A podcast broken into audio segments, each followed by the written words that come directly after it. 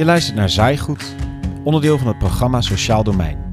Inspiratie voor en door Rijk en Gemeente.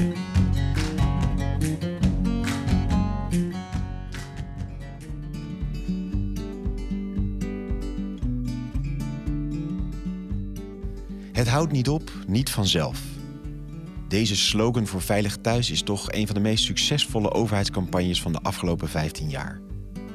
Ondersteund met het bijbehorende liedje, geschreven door Kirsten Snijder en het duo Fluitsma en Van Tijn, zit de zin bij veel mensen tussen de oren. En de boodschap is ook kernachtig. Huiselijk geweld en kindermishandeling zijn een hardnekkig probleem waar echt iets aan moet gebeuren. Want in totaal gaat het om 200.000 volwassenen en 119.000 kinderen die hier ieder jaar slachtoffer van zijn. In deze aflevering van Zaaigoed gaan we in op het onderzoek dat Verwij Jonker heeft gedaan naar huiselijk geweld in Nederland. En het programma Geweld wordt nergens thuis, dat in 2018 startte en dit jaar afloopt. Je hoort Marione Steketee. Zij is wetenschappelijk directeur van Verwij Jonker en hoogleraar intergenerationele overdracht van geweld in gezinnen bij de Erasmus Universiteit in Rotterdam. En je hoort Machteld Beukema. Zij is hoofd van Veilig Thuis Zuid-Limburg, dat met in totaal 16 gemeenten in de regio samenwerkt. Waarom is het belangrijk om onderscheid te maken tussen verschillende soorten geweld? Wat zijn risicofactoren voor huiselijk geweld? Wat maakt dat huiselijk geweld zo'n hardnekkig probleem is en wat helpt in de bestrijding? Je hoort het in deze aflevering van Zaaigoed. Allereerst, wanneer spreken we van huiselijk geweld en kindermishandeling? Je hoort Marjone Stekentee van Verwij Jonker. Uh, wij hanteren in ieder geval de begrippen zoals ze ook in de wet omschreven zijn. Als het over kindermishandeling gaat, gaat het over uh, fysiek geweld. Dus daadwerkelijk slaan, schoppen, verwonden. Psychisch geweld, dus dat is meer vernederende opmerkingen.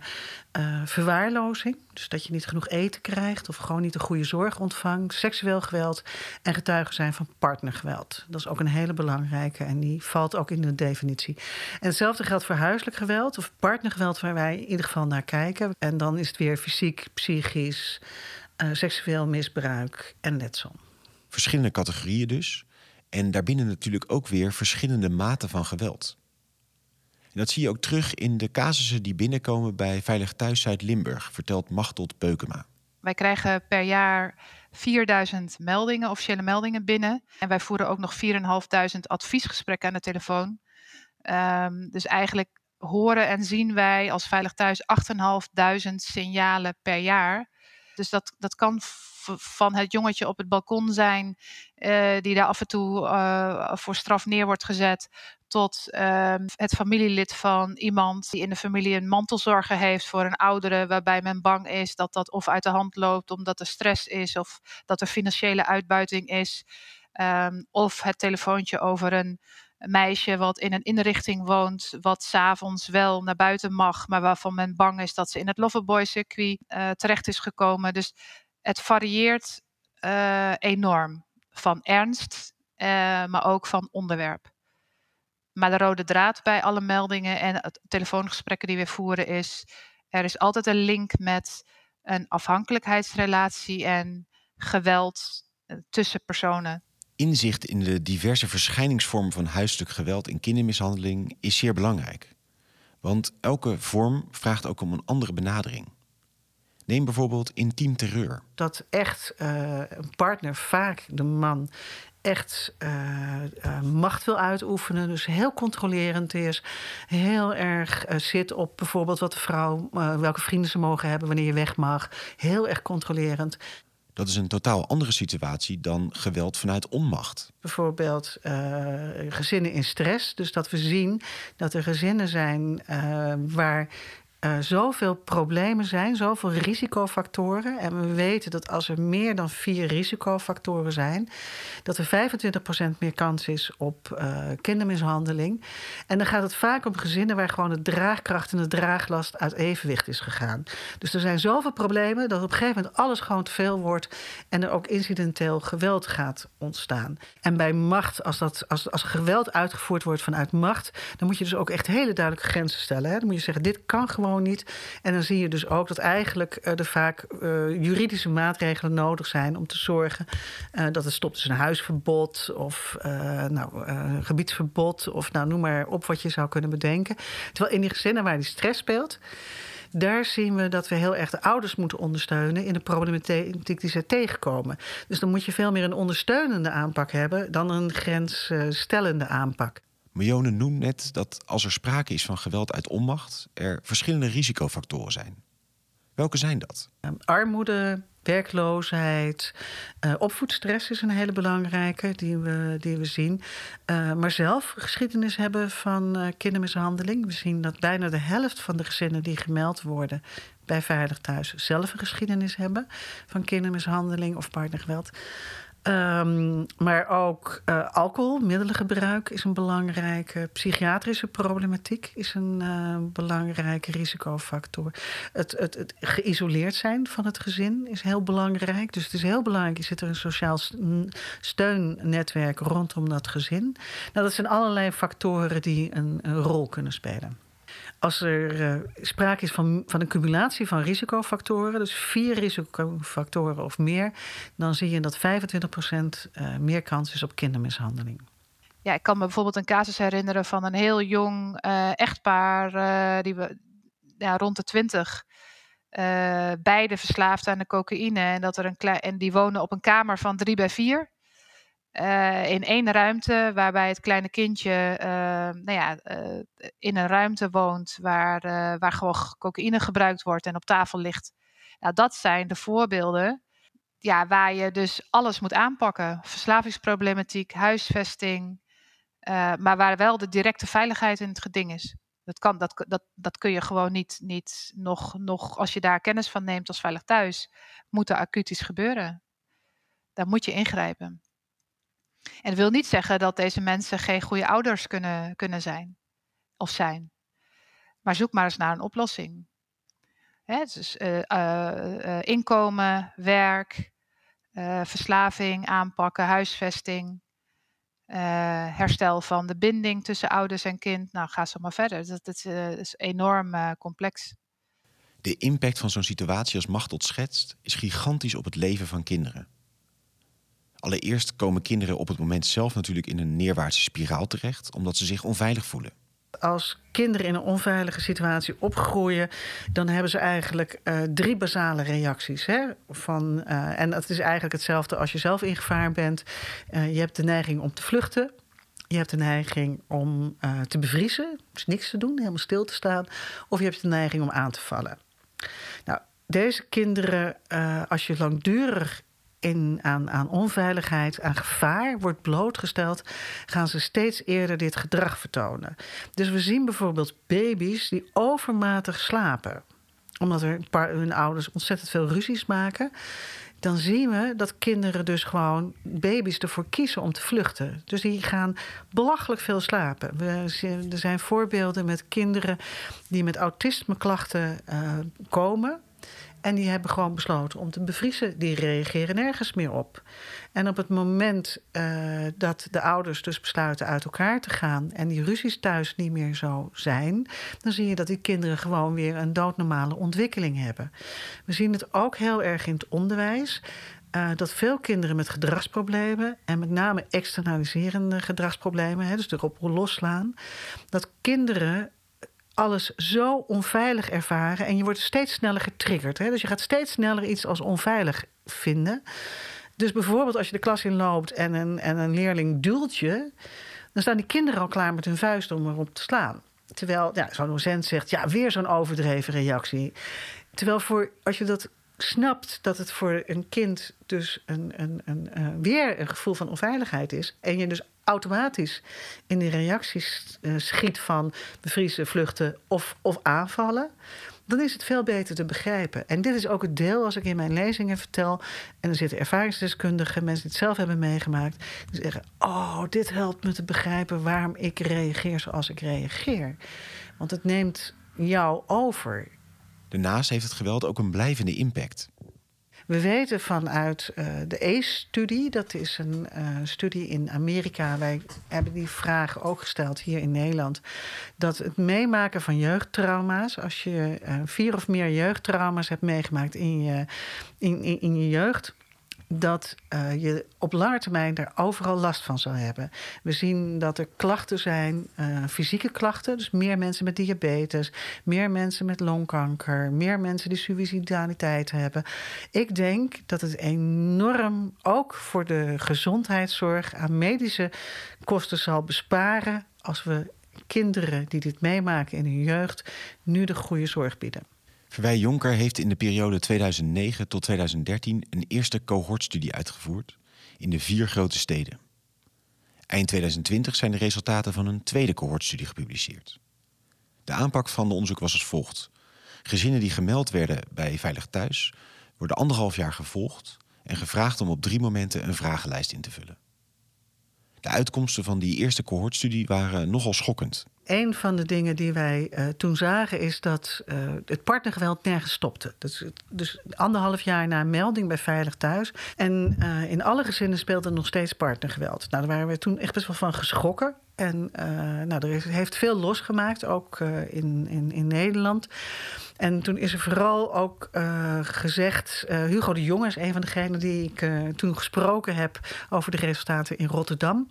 hij is ook degene die in de taskforce kindermishandelingen heeft gezeten. en we hebben toen met z'n allen gezegd... van er moet veel meer aandacht komen voor die veiligheid in die gezinnen. En zeker uh, vanuit het perspectief dat je zo'n cirkel van geweld hebt, dus dat het steeds zichzelf herhaalt, is het gewoon heel belangrijk dat we het op een gegeven moment gaan stoppen in die gezinnen. Dat die kinderen er niet zo beschadigd uitkomen dat ze straks zelf weer in herhaling uh, vervallen, als slachtoffer of als pleger. Dus het is heel belangrijk dat we gewoon meer aandacht gaan besteden aan uh, de veiligheid en structurele veiligheid in deze gezinnen. En ik ben heel blij dat Hugo de Jonge het programma heeft opgezet. Uh, um, geweld hoort nergens thuis. Dus dat vind ik ook een mooie term. Hè? Dus het geweld hoort ook nergens thuis. We willen veiligere plekken voor gezinnen hebben. En het heeft een enorme impuls gegeven aan uh, de hele ontwikkeling ervan. De Taskforce Kindermishandeling en Seksueel Geweld startte in 2012. En in 2018 start het programma Geweld hoort nergens thuis. En die inspanningen rondom dit thema hebben echt hun vruchten afgeworpen. We hebben inmiddels de tweede cohortstudie gedaan. Dat is uh, breder, niet alleen in de vier grote steden, maar ook nog in negen andere veilig thuisregio's. Daar zagen we dat het er nu in ieder geval gelukt is om in 29% van de gezinnen te zorgen dat het geweld ook daadwerkelijk gestopt is. Nou, dat is een verbetering. We zijn er nog lang niet, want 54% van de gezinnen speelt nog steeds frequent en ernstig geweld. Dus we zijn er absoluut niet, maar we zijn wel op de goede weg. Straks horen we wat de werkende bestandsdelen uit deze aanpak zijn gebleken. Maar allereerst, waarom lukte de bestrijding van geweld tot dan toe niet of nauwelijks? Verwij Jonker heeft het onderzocht en vond twee oorzaken. Eén is dat hulpverleners gaan heel erg aan de gang met de problemen die er ook spelen binnen het gezin. Dus bijvoorbeeld de relatieproblematiek, de schuldenproblematiek, de alcoholproblematiek. En vergeten dan te vragen hoe het zit met het geweld. En, uh, en mensen beginnen er zelf niet over, omdat ze zeggen: van ja, als ik nu nog aangeef dat het geweld maar doorgaat, uh, straks worden mijn kinderen uit huis geplaatst, omdat ik niet in staat ben om mijn kinderen een veilige leefomgeving te bieden. En dit geldt natuurlijk alleen maar voor de casussen die in beeld zijn. Een deel van het geweld blijft überhaupt buiten beeld van de juiste instanties. Machtel schetst waar Veilig Thuis Zuid-Limburg zijn meldingen vandaan krijgt. Ja, op dit moment uh, zijn eigenlijk nog de meeste meldingen die we binnenkrijgen is uh, vanuit politie. Politie is eigenlijk uh, een organisatie die, die ons de meeste informatie geeft in de vorm van een officiële melding. Dat hebben we ook zo afgesproken. En ook zorgprofessionals, dus mensen die zelf met mensen werken in het, in het sociaal domein. Maar ook ziekenhuizen, verloskundige praktijk, kraamzorg, um, uh, huisartsen. dus de hele medische sector, dat neemt toe. Dat zijn we heel blij mee, dat ook die zorgprofessionals ons weten te vinden. De, nog steeds de kleinste categorie zijn de, de, de mede-inwoners, de burgers, die, die zich zorgen maken en ja, dat willen we eigenlijk natuurlijk dat er nog meer gebeurt. Dat mensen in hun eigen omgeving wat ze horen en zien, ofwel in hun eigen familie, ook met ons bespreken. Je hoeft niet meteen een melding te doen, maar je mag ook gewoon bellen voor advies. En wat ik er meteen bij kan zeggen, is ook meteen wel een uh, oproep. Vanuit het onderwijs krijgen we maar 1% van de meldingen. En als je nagaat dat het onderwijs ons, ja, alle kinderen uh, in onze regio uh, ziet. En ook leerkrachten weten precies wat er thuis gaande is, is dat natuurlijk een heel laag percentage. Maar waarom melden buren, mensen in het onderwijs, een deel van de medici zo weinig? Het ligt er toch niet aan dat mensen het niet belangrijk vinden? Ja, dat, dat is toch nog ook wel de handelingsverlegenheid, zoals we dat mooi noemen. Dat is uh, het dilemma waar elke professional mee te maken heeft. Of je de vertrouwensband en de relatie met uh, de mensen om wie het gaat, of je die niet tekort doet, hè? of je daar niet risico's loopt, of je daar niet het nog erger mee maakt om dan ook met ons te overleggen. Wij zeggen ook altijd, um, degene die ons bellen, de eerste vraag die wij stellen is, hey, heb je dit al besproken met degene over wie je zorgen maakt? Uh, dat hoeft niet per se, maar dat hebben we natuurlijk wel het liefste. Hè? Je moet daar ook open kaart over kunnen spreken, maar dat vraagt wel moed, dat vraagt ook lef. Uh, dat vraagt dat je zelf over de drempel gaat om, om het bespreekbaar te maken. En dat uh, zien we, ja, dat heel veel, zeker de professionals, maar ook, ook natuurlijk mensen die ons bellen, buren, hè, dat vinden mensen het moeilijkste om zelf die vraag te stellen. Hoe gaat het met je? Gaat alles wel goed? Want ik zie dit en dit en ik maak me zorgen. En uh, heel vaak de onzekerheid bij iedereen die ons belt of niet belt. Dus um, heb ik het, zie ik het wel goed? Heb ik het wel bij het rechte eind? Want je wil iemand niet beschuldigen. En je moet je realiseren als um, gezinnen gemeld worden bij Veilig Thuis, dan is er echt wel wat aan de hand. Hè? Ik bedoel, er wordt soms wel gezegd van je hebt uh, onterechte meldingen. Maar als wij kijken naar onze data, wie er gemeld worden bij Veilig Thuis, dan is dat zware problematiek. Zwaar in de zin van veel geweld en uh, ook heel structureel. En zwaar in de zin van dat er veel problemen spelen. Tot zover over het in beeld krijgen van casussen. Als je dan aan de slag gaat met een gezin, wat werkt dan? Verwij Jonker benoemt in zijn onderzoek acht factoren. De eerste hebben we net al voorbij horen komen. Er is een risico dat professionals zich te veel richten op achterliggende oorzaken en dat daardoor het geweld naar de achtergrond verdwijnt. Uh, als we kijken naar wat werkt er, dan denk ik dat het vooral werkt dat we aandacht hebben voor die veiligheid. Hè? Dus dat het, het geweld moet stoppen en dat zien we ook.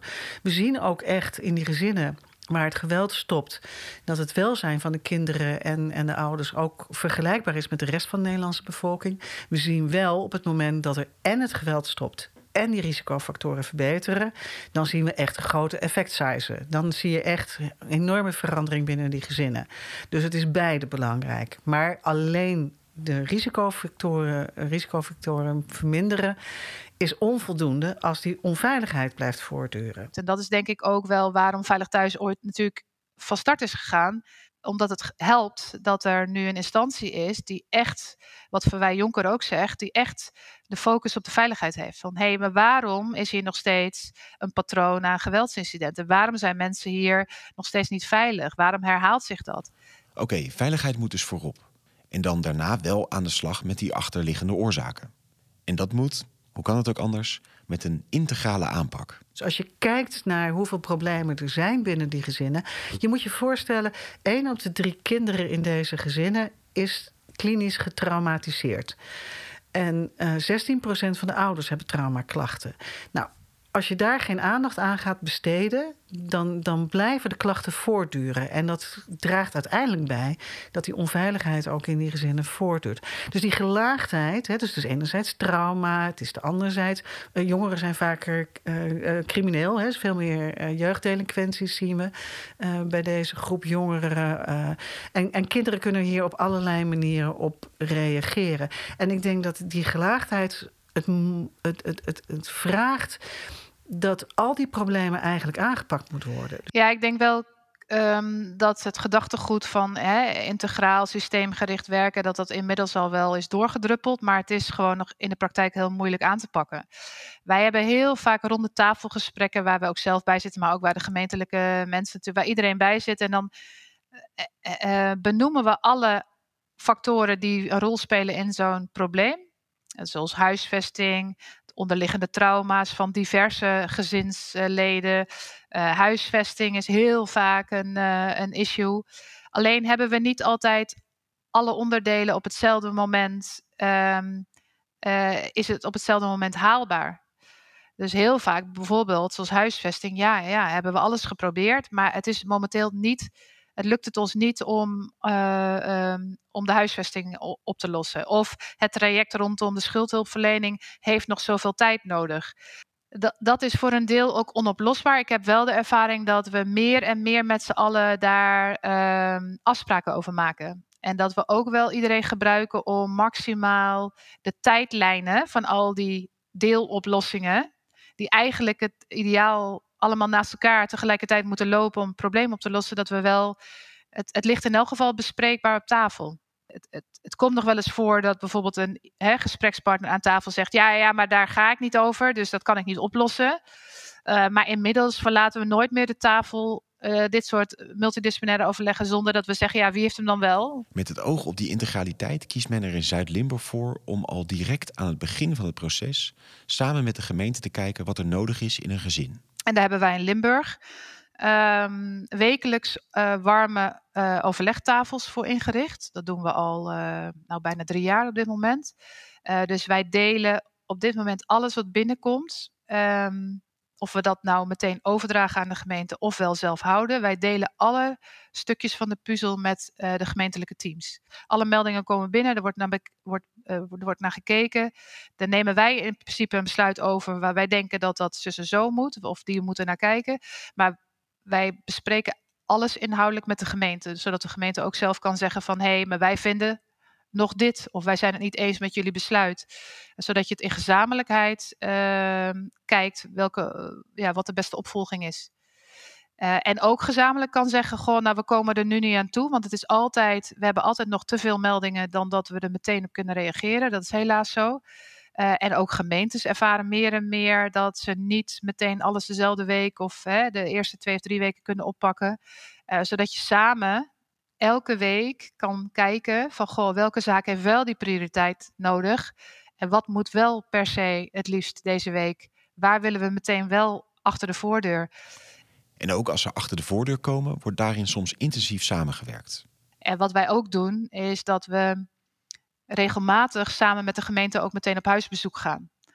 Uh, dus ook in casuïstiek die wij overdragen aan, aan de gemeente, bieden we ook als Veilig Thuis vaak nog aan van nou, als het jullie helpt of als we sneller een goede analyse kunnen, kunnen maken, dan gaan we ook gewoon mee, samen met jullie. En uh, nou ja, dat, dat is denk ik wel waar we in Zuid-Limburg, uh, nou ja, ten opzichte van andere regio's, het, het via kortere lijnen met de gemeentes in een structurele, op een structurele manier vormgeven.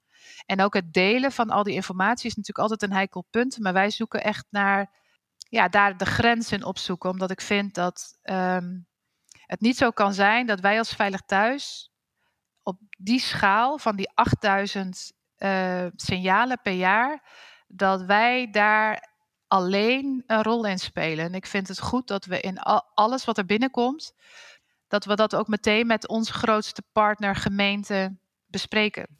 De aanpak in Zuid-Limburg illustreert nog twee andere belangrijke aanbevelingen die in het onderzoek van Verwij Jonker naar voren zijn gekomen.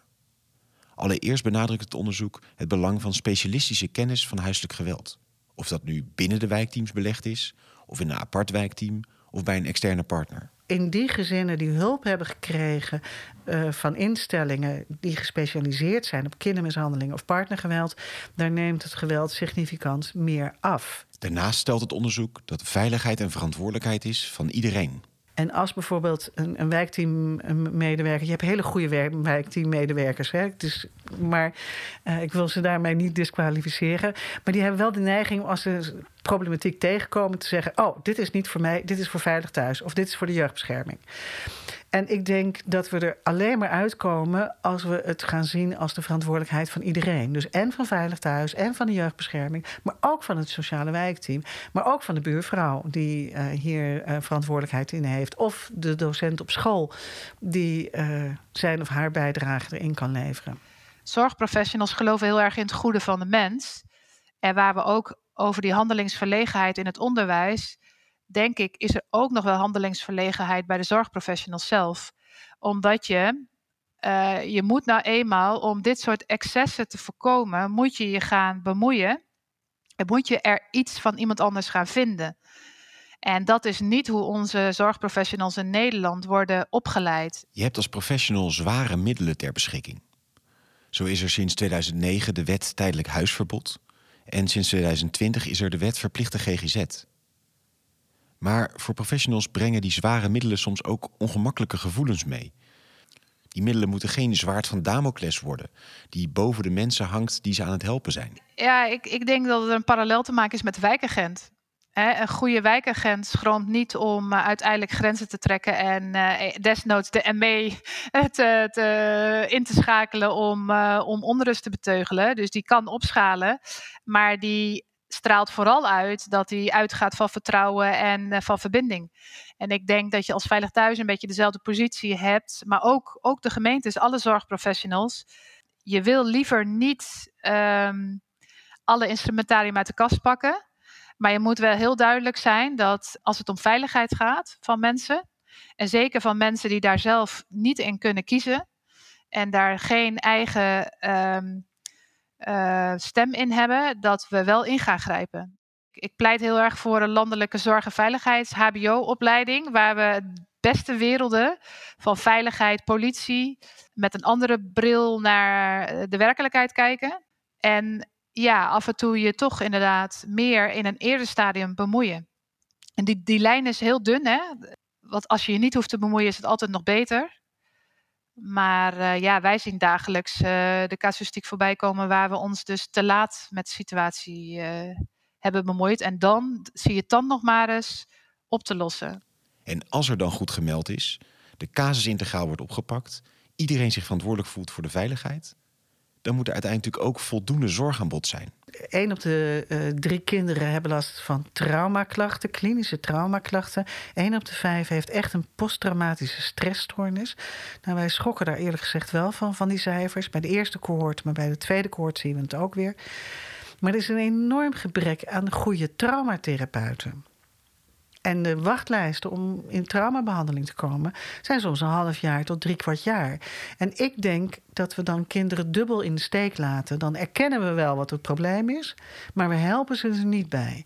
En je ziet uh, dat op veel vlakken juist die gespecialiseerde hulp, maar ook bijvoorbeeld plegerhulp, gewoon nog onvoldoende aanwezig is om echt deze gezinnen uh, op het moment dat het nodig is ook die zorg te bieden. En ik, ik vind ook, maar dat is ook landelijk, het opvangdossier.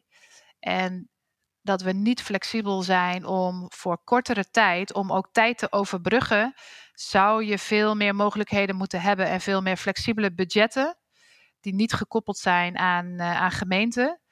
Um, dus wat meer overkoepelend zorg- en veiligheidsbudgetten om uh, voor spelers zoals wij, maar ook voor de gemeente zelf of andere partijen. Om meteen te kunnen zeggen: Nou ja, om dit probleem op te lossen hebben we dit budget nodig.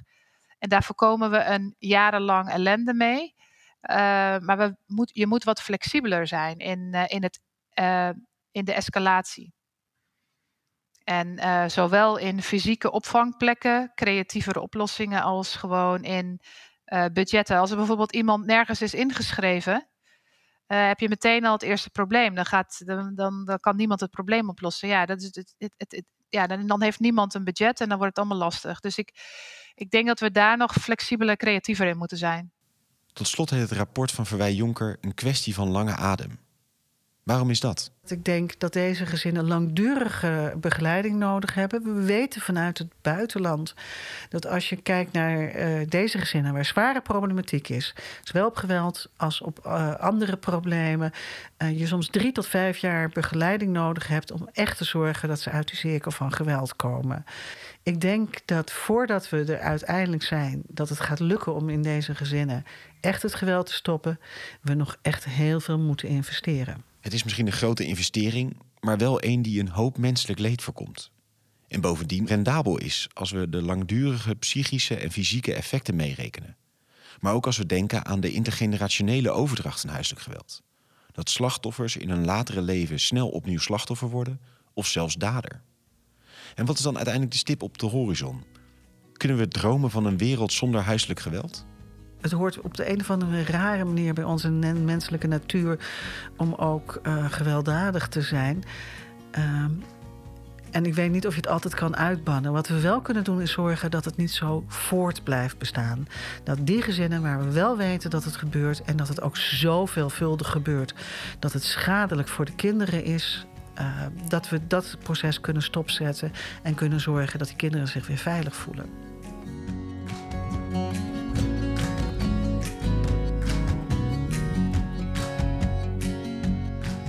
De onderzoeken van Verwij Jonker schetsen nog geen rooskleurig beeld van hoe het gaat met huiselijk geweld in Nederland.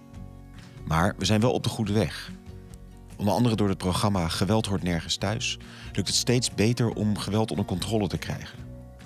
De prioriteit ligt bij het stoppen van geweld, waarbij specialistische kennis, voldoende aanbod en een collectief verantwoordelijkheidsbesef onmisbaar zijn. De intensieve samenwerking tussen gemeente en Veilig Thuis Zuid-Limburg zijn hiervan een krachtig voorbeeld.